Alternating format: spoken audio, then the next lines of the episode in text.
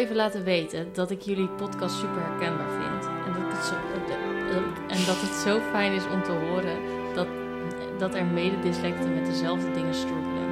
En zo snel naar een oplossing kunnen denken en niet altijd anderen daarin mee kunnen nemen. Dankjewel en keep up the good work. Woe. Dit is een reactie die we hebben gekregen via ons Instagram-account. Ja.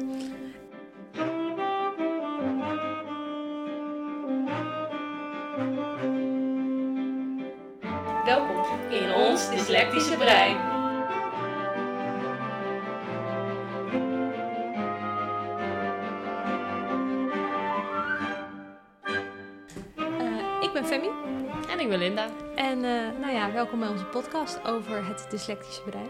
Ja, en eh, ons doel hiermee is om dyslexie op een positieve manier eh, te benaderen en de kwaliteiten te benoemen en ook de struggles die we hebben te, te laten zien. Ja. Maar, zoals je dus net ook in het berichtje met voorlezen hoorde, dat zijn dus de struggles, maar allemaal wel kunnen vertalen naar iets heel positiefs, wat uiteindelijk gaat werken in deze volwassen wereld. Precies. En eh, we willen zelf eigenlijk ook gewoon meer leren over dyslexie. We vinden gewoon dat we er te weinig zelf over weten. Dus eh, we houden een heel niet-wetenschappelijk onderzoek. Helemaal niet wetenschappelijk. Dus, eh, en dan komen we nu langzaam bij het punt waarin we niet meer weten wat we niet weten. Dus dan wordt het steeds lastiger om dingen te ontdekken. Om Ja. Waar gaan we het over hebben? Want we weten niet waar we het over kunnen hebben. Omdat, nou ja, alles wat wij eh, bij elkaar ontdekt hebben, want dat is het ook omdat we het samen doen, kwamen we er echt achter van, oh ja, dit zijn dingen dat jij ook hebt, dit zijn dingen die ik ook heb, dus zal het waarschijnlijk wel dyslectisch zijn. hebben we Eh. wel nog even een beetje dieper onderzoek op nagelaten. Geen zorgen. Ehm, en heel erg veel vanuit onze ervaringen vertellen. En op dit moment zitten we, nou ja, de, de ervaringen raken een beetje op van wat we nog niet verteld hebben. Misschien zijn er nog heel veel meer, maar die mogen dan nog komen. Ja. Ehm, ja, dus zijn we ook wel weer gewoon op zoek naar nieuwe Ja. inspiratie, nieuwe verhalen. Eh, deze aflevering gaan we reageren op eh, alle leuke, lieve, maar ook alle vragen die binnen zijn, alle leuke, lieve reacties, maar ook alle vragen die binnen zijn gekomen, eh, opmerkingen, alles. We hebben het allemaal bij elkaar op een hoop gegooid en het wordt dus een beetje een van hot naar her aflevering. Houden we van. Mag Precies. Ook. Zo Dat- zitten we ook in elkaar. Dus Dat is heel erg Linda en mij, dus... Komt dus eh, ja, en eh, nou ja, net hoorden we dus ook al één reactie. Eh, dat was een hele leuke. Eén van de meerdere. Van maar de dat was er wel eentje Precies. die we er eventjes eh uit Dat was ook een van de eerste reacties die we kregen van iemand die we alle twee totaal niet kenden. Dus Nee, dat is ook de reactie waar we echt even om gevierd hebben, zeg maar. Ja, ik stuurde jou toen ook echt- heb je, ken, je die, ken je deze persoon? Nee, en nu oh. hebben we Oh, vet! ja, en nu hebben we zo'n gesprek wel een paar keer per week van ken jij deze? Nee, ik ook niet. Oh, cool. ja, dus elke keer, we merken gewoon wel dat het, wat we nu aan het doen zijn, dat het aanslaat. En dat is heel, ja, heel veel voldoening halen we daaruit. En we merken ook wel eh, elke aflevering weer, en Mhm. zeker de vorige, dat ik dacht van, oh ja, dit is wel gewoon zo belangrijk dat Ja. dit bespreekbaar gaat worden. En op een andere manier dan dat het nu gedaan Ja. wordt. Dingen vallen op zijn plek en je merkt dat er best wel wat mensen zijn die behoefte hebben aan eh, een luchtige manier eh, om over dyslexie te praten. Want dat Ja. merken we bijvoorbeeld ook bij dat artikel van vorige week. Dat was echt een pittig artikel en wij hebben ook echt, het heeft ons heel veel moeite gekost om daar doorheen te ploeteren. En omdat we dat hebben gedaan, hebben we het op zo'n manier kunnen verwoorden dat ook een dyslect nu bij de informatie van het artikel kan. En dat is dus eigenlijk al heel naar en vervelend dat je dus een artikel schrijft over hey dyslecten, Ja. jullie zijn toffe peren, maar dan vervolgens schrijf je en het dit wel is op waarom jullie... Precies, maar vervolgens schrijf je het op zo'n manier op dat dus er geen dyslect daar doorheen gaat komen, zeg Nee. maar. Anderzijds is het natuurlijk ook mooi dat de niet-dyslecten, dus die wel makkelijk kunnen lezen, of de wetenschappelijke, het was waarschijnlijk vanuit een wetenschappelijk oogpunt geschreven, Ja. Eh, dan moet dat natuurlijk bepaalde eisen aan voldoen. Ja. Maar wij maken het gewoon voor iedereen. Precies, ja. Zou je, ben je nou benieuwd wat, waar dat artikel over ging? Eh, de aflevering staat al een week online. ja. Dus, eh, die Dus kan waarom je, heb je hem nog niet geluisterd? Dus, ja, zullen we dat eens even vragen inderdaad? Tot Jan Doosje. Kom kom, laten we doorgaan. Ik heb hier Femi heeft weer mijn- mooi voorbereid. mijn, is mijn grappig, want we hebben zojuist hebben we hem voorbereid. Eh, en, en dan hebben we alle reacties verzameld en zo. En dan merk ik gewoon, Family gaat zitten en die schrijft het allemaal op. En ik, ik voel dan zeg maar bij mezelf dat ik denk, oh, ik, moet ik moet dat toch ook doen. Want straks weet ik niet hoe ik mee kan, oh, mee kan praten of iets. Maar ik doe het niet, omdat het mij al een soort van te veel moeite kost om, om die reacties te Ja. gaan lezen. En dan te gaan filteren, oké, wat kunnen we bespreken? Dus dat is heel fijn dat jij het daardoor Nou, dat doet. is dus leuk, want een van de reacties eh, is dus ook... alles met tekst kost zoveel energie. Dat dat een soort van... eh, Yep. Nee, maar dat is inderdaad wel opvallend. Wij doen heel veel spraakmemo's naar elkaar sturen... en wij zijn daar beide heel blij mee. Maar ik krijg ook inderdaad van anderen vaak de reactie van... eh, kan je het Kan even typen, typen? want... Ik zit in de trein. Ja. Of ik heb mijn oortjes niet bij me. En ik zat toevallig gisteren... Was het gisteren? Voor mij was het gisteren. Ik met een vriendin op het terras. Nou, met haar ben ik al sinds de brugklas, dus meer dan tien jaar bevriend.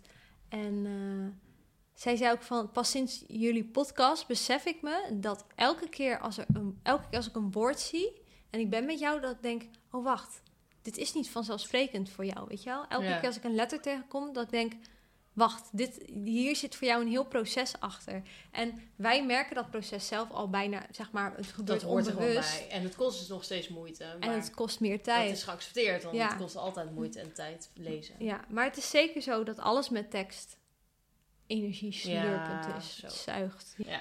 Ehm, nou hadden we ook nog een hele leuke reactie van iemand die heel uitgebreid eh, haar ervaringen ging delen.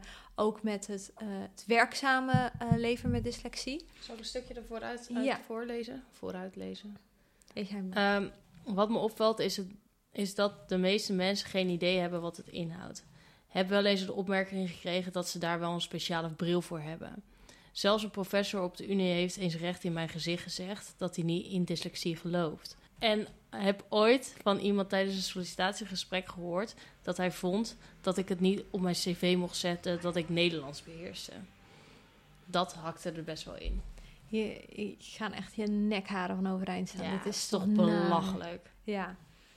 Ja. Ik ben wel benieuwd of ze dan ook erbij had gezet dat ze dyslectisch was. Ja, waarschijnlijk wel. Ja. En daar en Nederlandse taal ook beheerst. Ja. Zo, dat is echt vies gewoon. Ja. Over die speciale bril. Dat is dus inderdaad, eh, er is een dyslexiebril. Het is niet dat als je die bril opzet, dat je opeens geen dyslexie meer hebt. Nee, even voor de goede orde. Als ik het me goed heug, want het is alweer een paar jaar geleden dat dat rondging, is het eh, principe van eh, het hoge contrast tussen zwart en wit uit papier halen. Oftewel gekleurde glazen. Ja, Sommige dyslecten hebben daar baat bij. Ik heb baat bij de kleur geel bijvoorbeeld. Maar er zijn ook heel veel die nergens baat bij hebben. Of die met de kleur blauw, rood of groen. Zolang het maar niet zwart op wit is, krijg je dat effect al langzaam. En eh, dus dat is die speciale bril. Dus het is dan echt wel, ik heb, je hebt de bel horen huilen, eh, huilen.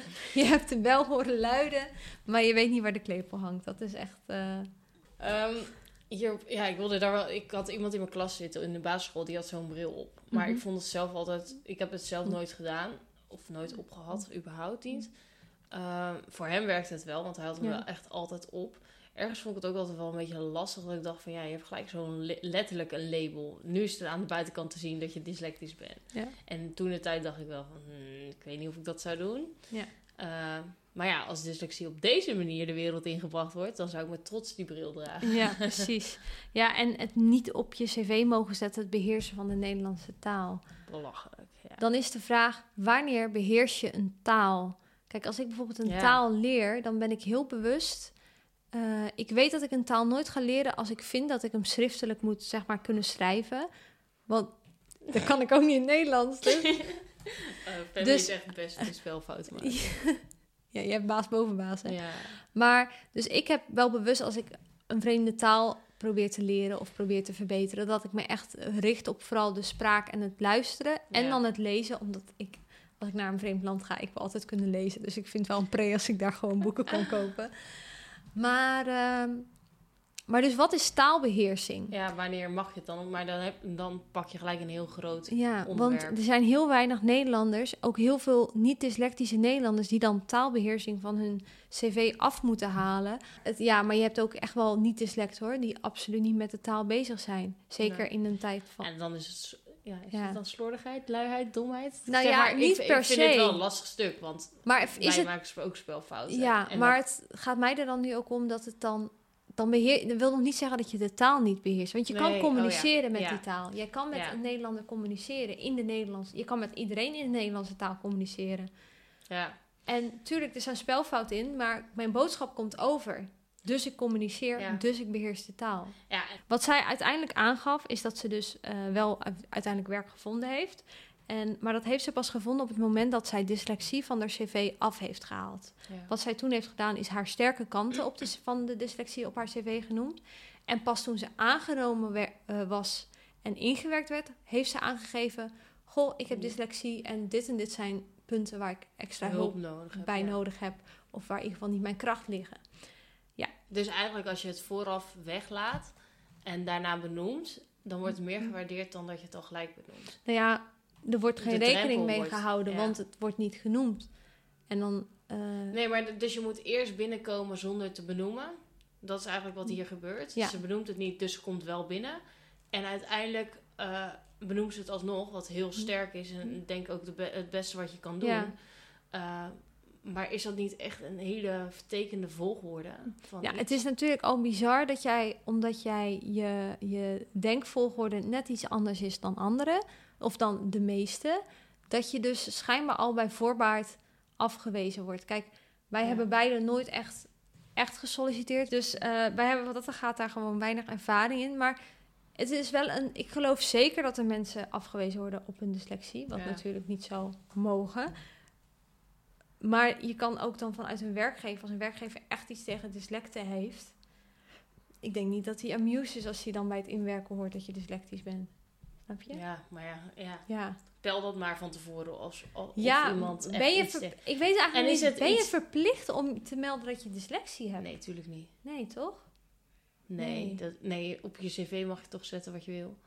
Ja, ja. Wat je ik- wel gebaseerd op feit. Ook ik hoorde laatst iemand die had dus gewoon een eigen opgemaakte cv. En die werkte al weet ik veel hoeveel jaar in dat bedrijf. Zonder dat hij daadwerkelijk echt die diploma's had. maar dat even een zijstraatje. Dat Ja. Ik stond ervan te kijken. Ik ben wel benieuwd. Misschien kunnen we even een poll doen op eh, Ja. Instagram. ja, eh, of dat jij gaan we doen. staan. Ja, heb jij, vermeld jij je eh, dyslexie tijdens de sollicitatieprocedure? Ja, of nee. Of niet? Dus ga even naar onze Instagram en dan eh, beantwoord hem. Dank u zeer. Het staat wel 24 uur online. Dus je moet snel zijn Ja. na deze publicatie. Donderdag of vrijdag en daarna is je kans verkeken. Zo. Bam! We kunnen wel een hoogtepuntje ervan maken, toch? Ja, dat kunnen we wel. Dan kan je het gewoon op ons eh, profiel terugvinden. Nee, laten we doorgaan. Eh, ja, want dan hebben we heel veel vragen gekregen, echt wel een stuk of tien, Ja. over wat zijn nou die dansende letters? Ja, leg dat maar eens uit. Ja, maar nou ja, dyslexie is even voor, ja, voor iedereen anders. En de dansende letters zijn ook, niet iedereen heeft dansende letters. dansen letters is eigenlijk als je leest dat het dan gaat dansen. Dat bedoel je met Ja. dansen letters. Het Precies. is niet dat wij poppetjes hebben staan hier zo die lekker staan te dansen. Wij dansen wel, maar... Oké, never mind. Je punt is duidelijk. precies. Maar eh, Linda, heb Ja. jij last van dansende letters? Ja. Eh, ja, Femi, daar heb ik zeker last van. En als jij nu aan ons zou moeten omschrijven, hoe dansen jouw letters? Hmm. Hoe dansen ze dan? Ze Turken. Hoe dansen ze? Ja, leg dat maar eens uit. Ehm, ik denk dat mijn letters, eh, mijn letters, de letters die ik lees, ehm, ja, ze, ze verspringen. Dus woorden kunnen verspringen van de, de ene plek naar een andere plek. Dus dan denk ik dat ik het al gelezen heb en dan is hij ineens, nou ja, weet ik niet meer waar ik ben bijvoorbeeld. Ehm, en het is ook een soort golfslag. Dat kan ook heel erg hebben. Ja, dat je... Ik heb trouwens een filmpje gevonden, dus die kunnen Oh we ja. ook uploaden. Ja. Dan kunnen jullie ook zien wat verschillende soorten zijn. Het is niet helemaal... Maar dan krijg je als niet-dyslect ook een beetje gevoel bij Ja. van zo ziet dat eruit. Bij mijn golf is ook een beetje, dan worden ze langzaam dikker vaak. En dan op een gegeven moment kan ik echt nog maar één, met heel veel moeite één woord tegelijk filteren, zeg maar. Ja, Maar het scheelt ook wel, kijk, als ik heel, s ochtends vroeg zeg maar, lekker fris en fruitig ben, dan heb ik het minder dan als ik moe ben. ja. Moe ben, dan hoef ik niet te proberen iets te lezen. Nee, dat gaat nee, gewoon niet. nee. Kansloos. ja. Voor Eh, mij is ook bijvoorbeeld lezen. Ik lees dan, ik heb een e-reader en lig ik Ja. in bed. En dan ga ik nog even een bladzijde of twee lezen. E-readers bladzijden zijn niet zo lang. En dan ben ik al gewoon, daarna val ik gewoon in één keer in slaap. Ook omdat het zoveel energie kost. Nee, Precies, dat, dat ja. is misschien niet waar. Maar omdat je dan zo... eh, ja, je gaat er niet snel doorheen. Het is geen, dat ik geen boek verslind of iets. Nee, precies. Ja. Nou, dan hadden we ook een vraag gekregen hoe, van iemand die dus zelf ook dyslexie heeft. En die vroeg zich af, hoe accepteer je je dyslexie? Die Nou, zat er door zelf onze mee. podcast te luisteren. Nou ja, zij voelde dus heel erg een taboe rondom dyslexie. En zij wilde weten, hoe kan ik dit het beste accepteren? Hoe kan ik mijn dyslexie gaan accepteren? Ik denk ook wel dat het gewoon wat we nu al die podcasts hebben besproken. En daardoor, doordat we het gingen bespreken, ben ik het zelf nog meer gaan omarmen. En echt eh, gaan zien als een kracht. Ehm, kan ik blijven herhalen, maar dat is het wel zo. Dus ja. Ehm, dus ik denk dat dat één groot onderdeel is van praten erover. Ehm, maar spiegel ook met anderen van hoe, hoe werkt jouw hoofd en hoe werkt die van mij? En wat is het verschil daarin en hoe kunnen we elkaar aanvullen, zodat je daar ook zekerder van wordt. Van Ja. Eigenlijk wat we in de vorige twee podcasten ook hebben besproken. Ja, wat we eigenlijk in iedere podcast bespreken. Leer Ja. jezelf kennen. Ja, En dyslectisch of niet, hoe beter jij je zwaktes kent, hoe meer je je sterk, sterke punten kan benutten. ja.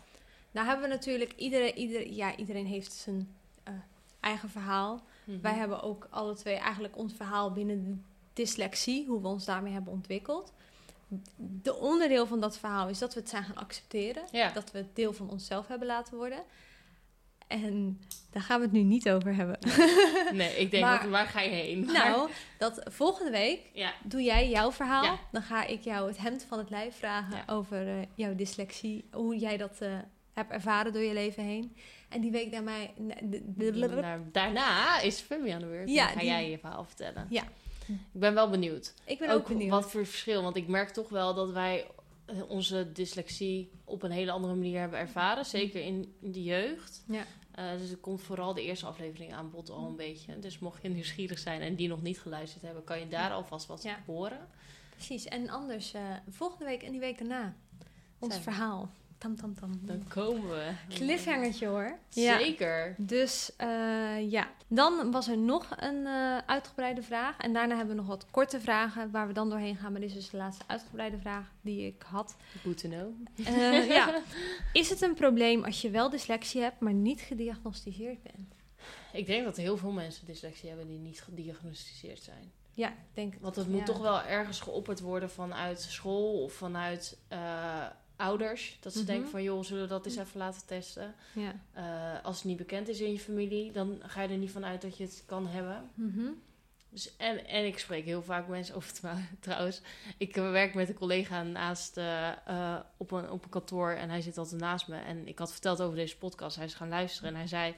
Ja, ik begin nu zelf te twijfelen of ik dyslexie heb. Want alles wat jullie benoemen, denk ik... Zo, ja, dat is echt zo waar. Dat klopt helemaal.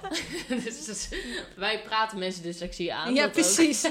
Pas op, Het is deze... zo vet. Het is besmettelijk. Ik wou net zeggen, pas op, deze podcast is besmettelijk. Eh, maar ik denk dat er wel heel veel... eh, Ook al ben je misschien niet 100% dyslectisch, wat dat dan ook mag betekenen... eh, maar niet gediagnosticeerd... dan kan het wel zijn dat je heel veel trekjes of dingetjes herkent... Ja. van wat wij hier aan het bespreken zijn. Eh, wat jou niet meteen tot de dyslect bestempelt... maar wel Ja. tot eh, iets wat je nog meer mag gaan ontwikkelen of ontdekken. Ja, en dat hebben we natuurlijk eh, terugkomend op de vorige aflevering. Toen had je het al over die lokale en globale denkers. En dat als jij een lokale denker bent, dat het globaal denken dus jouw zwakte is en omgekeerd. Ja. Maar je hebt natuurlijk ook mensen ertussenin. Dus die zijn dan. Van beide een beetje. Die, die kunnen heel lo- globaal denken, ook al zijn het toch wel voornamelijk eh, lokale denkers. Ja. En andersom. Dus je hebt, je hebt, zeg maar, als je twee uitersten hebt, heb je ook alle tussenmogelijkheden. ja. Dus, en ik denk dat op zich geen dyslexieverklaring. Die dyslexieverklaring, die heb je echt alleen maar om op de middelbare school ja. een D'tje boven je toets te zetten. En op de basisschool je toets op A3-formaat te krijgen. Wat echt, Wat geen, vreselijk is. maakt het echt Geef me alleen dan maar ook een moeilijker. grote bureau, alsjeblieft. Dus nee, die dyslexieverklaring die gaat je in je grote mensenleven echt niet verder helpen. Dus eh, ik denk dat het geen kwaad kan. eh, het, wat geen kwaad kan? Om wel dyslexie te hebben, maar geen verklaring. Oh, zo. Of eh. dat dat geen probleem is, Nee. denk ik. Maar het geeft wel een soort van gevoel van erkenning. Of Ja, dat was natuurlijk ook die ene podcast waar we gingen over dyslexie bestaat niet. Of zou er een kuur moeten zijn voor dyslexie? Ehm, bij beide, eh nou, ja, dyslexie bestaat wel. En nee, Zeer er moet geen kuur zijn. Want het, het laat jou inzicht, het geeft jou inzicht. Dus zo'n eh, certificaat, of hoe noem je dat? Zo'n eh, Diagnose. diagnose. ja, dat, dat Verklaring. klinkt ook zo heftig. Verklaring, dyslexieverklaring is het, ja. Dat ehm, laat jou ook een soort van inzicht krijgen in hoe jij werkt. Ja. Ehm, niet op de basisschool, niet op de middelbare school, want dan wordt alleen maar hoe jij niet werkt en Mhm. niet functioneert. Mhm. Eh, maar wel als je daar verder naar gaat kijken. ja, precies. De vraag is, die wij eh, hebben gesteld aan 55 mensen. Wat zou jij over dyslexie willen weten? Weet er veel te weinig over? Naar mijn idee komt niet, wordt er niet genoeg over gepraat. Ideaal zo'n podcast. Kom maar op. Nou, die heeft het begrepen. Ehm, hoe ziet het eruit? Ik kan me gewoon niet voorstellen dat je woorden, woorden ziet en niet direct ziet wat er staat. Ja, Die hebben we net eigenlijk heel kort van jouw vriendin ja die dat precies. zei. Ja. Dat, het, eh, dat er gewoon geen vorm van automatisering in taal zit, zeg Nee. maar. Dat eh, heb je dan. En waarom zit dat er niet? Eh, hoe het komt dat die automatisering er niet in zit, dat komt natuurlijk deels door het oog van detail, voor detail, waar we het vorige aflevering ook al over hadden. Maar ook, waar we het weer veel eerder over hadden, dat eh, van oudsher moeten we dingen van alle kanten kunnen herkennen. En dat dan opeens een letter maar op één manier geschreven kan worden. Dus dat die E echt zo moet staan. En als die andersom staat, is het opeens geen E meer. Ik weet niet wie dat heeft verzonnen, maar het slaat echt nergens op. Of letters die spiegelbaar niet. andere letters Ja, zijn. wat is links en rechts? Jij moet je een elletje maken. Ja, jongens. Ik zat van de week ook met iemand op het terras. Die had ook over links van je. En nou ja, ik kwam er echt niet uit. hey, ik heb een leuke vraag. Ja, Hoe zijn de routes in de hoofd van iemand... In, in de hoofd. in de hoofd. Hoe zijn de routes in het hoofd van iemand met dyslexie? Niet eentje die met Google Maps te vergelijken is. Nice. Nice. Waar is hij wel mee te vergelijken? Hm. Ik denk ehm 16 kinderen in een ballenbak. Nee, 16 kinderen in een ballenbak. Dat vind ik een goeie. Ja, en, En, ik dan heb ook probeer wel je eens... je kind eruit te halen. Nou, ik heb ook wel eens... Bij mij... Ik, eh, soms... Kijk, ik... eh, als je aan het breien bent... Ja? En je bolletje wol valt van je stoel... Ja? Ja. En je kat ziet hem. Ja, je hebt dan geen kat. Oh nee, dat scheelt. Dan heb je tien minuten later dat bolletje wol, dat is er dan niet meer. Maar dan heb je door heel je huis heen zo'n spinnenweb van Oh wol. ja? Ja. Dat is hoe mijn gedachten eruit. Even kijken. Tududu.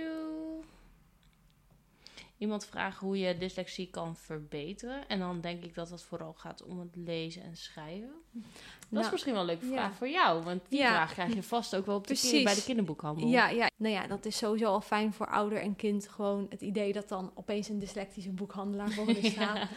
Dit bestaat. Dus dat, dat kan echt. Mijn En kind is niet... Ik heb eh, nog nooit een collega dyslectische boekhandelaar ontmoet, maar ik ga er gewoon in volle overtuiging van uit dat ik collega dyslectische boekhandelaren heb. Dus ja, kijk, ik vind inderdaad, soms krijgen je dan inderdaad, eh bijvoorbeeld toen ik in groep 8 zat, ik weet niet hoe bij jou zat, maar toen ik in groep 8 zat, moest ik in groep 3 en groep 4 boekjes halen ja, om te lezen. ook. Maar dat is totaal niet interessant. Dat ga je niet lezen. Ik dan liever dat je een boekje wat te moeilijk is voor jou gaat lezen.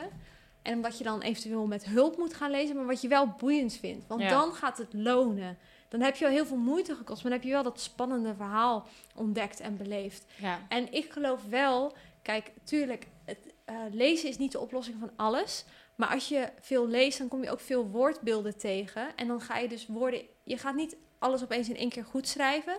Maar je gaat wel herkennen van hé, hey, dit klopt niet. En dat is een leuk begin, ja. zeg maar. Dus Ik denk ook, eh, wat je hier eigenlijk ook mee zegt, is ga gewoon experimenteren waar jij op aangaat. ja, Welke boeken je aangaat. En stop ook gewoon als je een boek leest waarvan je denkt, jongens, ik kom hier niet doorheen. Leg het weg. ja. Pak een nieuwe erbij en kijk of, de, of dat wel lukt. Of dat het daar wel aan gaat. Inderdaad, ze, dwing jezelf niet om altijd alles maar af te maken Ja. als het voor jou geen meerwaarde biedt. En er zijn ook andere oplossingen. Je kan ook een luisterboek erbij aanzetten en eh, meelezen. Dus Ja. dan hoef je niet alles zelf zeg maar op te ja, halen. dat deed ik vroeger. Alleen dan was het boek ook wel snel weggelegd. Ja, precies. Ja, maar luisterboeken, luisteren is op zich ook nog steeds een, manier om aan verhalen te komen. En je leert dan wel zinstructuren. Net zoals podcast luisteren Net is als- eigenlijk precies hetzelfde. ja, alleen is deze podcast zo dyslectisch dat je, want dat gaat er niet beter van worden. Ja, nou ja, een beetje hopelijk. Ehm, wat ik ook dacht, want dat is vanuit lezen gezien. Ja. Vanuit schrijven heb ik hem eigenlijk ontwikkeld. Jij vooral lezen, ik schrijven. Ja. Ehm, en bij mij was het gewoon, ik wilde mijn verhaal delen op een manier. Mhm. Dat deed ik via beeld, want ik ben fotograaf. Dus ik kan dingen via beeld vertellen. Dat deed ik dus vooral voor bedrijven. Maar hoe bereik je die bedrijven zonder dat... Ja, om, om nou een hele zelfportretserie te maken en daar Ja. Nee, je verhaal te vertellen is ook weer zoveel gedoe. Mhm. Dus ik moest mezelf gaan forceren op een gegeven moment om toch te gaan schrijven, zodat ik dat verhaal wel naar buiten kon brengen. Ja. Ehm, maar omdat ik er zoveel baat bij had om het te laten slagen, begon ik het leuk te vinden. Ja. En ik ben de enige die. eh, het gaat over mij, het gaat over mijn verhaal, mijn visie.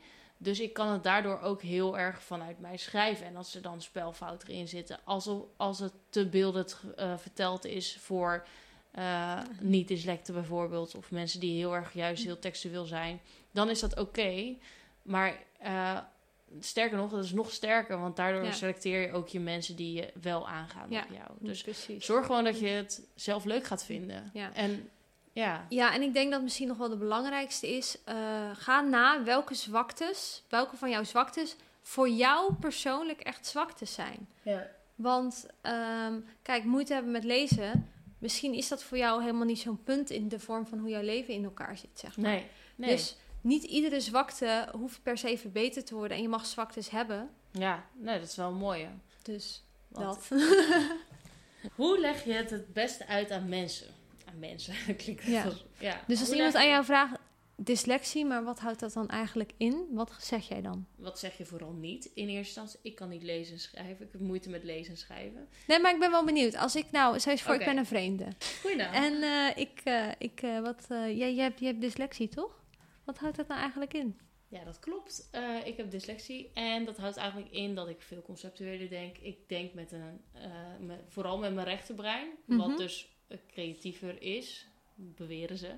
Dat zal ik dan nog maar moeten bewijzen. Ja, Ehm, mevrouw de fotograaf. Ja, het voelt gelijk als een eh, nieuwe opdracht dit. ja precies. Even dat is ook mijn wat- bedoeling. Ja, precies. Ehm, ja, wat zeg je dan? Ehm, nou, ik denk vooral over dat, ja, dat je dus anders... de- ik denk anders dan Ja. anderen. En ik kijk heel erg naar het, het algehele doel. Ja. In plaats van heel korte termijn denken. Dus Mhm. je kan van mij verwachten als wij gaan samenwerken... dat ik eh, heel erg vermoeid kan worden van allemaal kleine details... die er misschien nu wel toe doen, maar op lange termijn niet. Ehm, ja, ik weet, en ik kan dingen heel gauw concreet omzetten Ja. naar stappen. Waardoor we het doel uiteindelijk ook zullen gaan behalen. Ik denk dat dat de kracht is voor mij als dyslect. Mhm.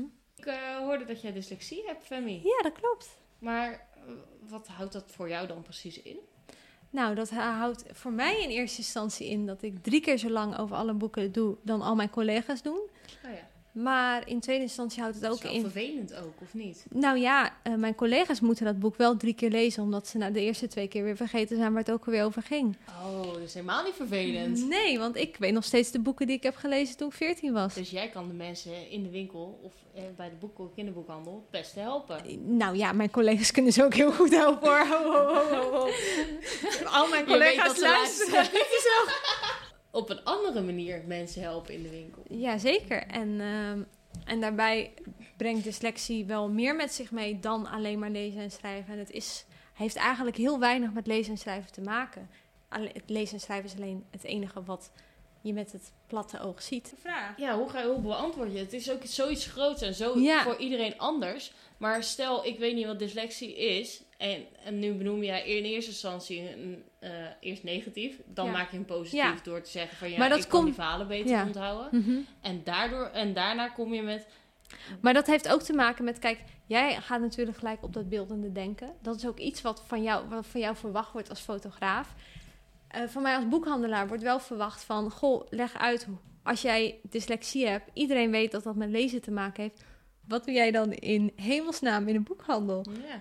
Eh, ja, boeken aansmeren. Dat doe ik hier. Dus ik ben juist heel erg gewend om. ehm, ik krijg natuurlijk heel vaak mensen ook naar me toe, bewust of onbewust, die juist met dat taaldeel eh, worstelen. Ja. En dan aan mij de taak, of deels de taak, de mede-taak, om, eh, om te zorgen dat ze het eh, weer goede moed hebben om er tegenaan te gaan. Ja. En hou, houvast hebben hopelijk om eh, er wat mee te gaan doen.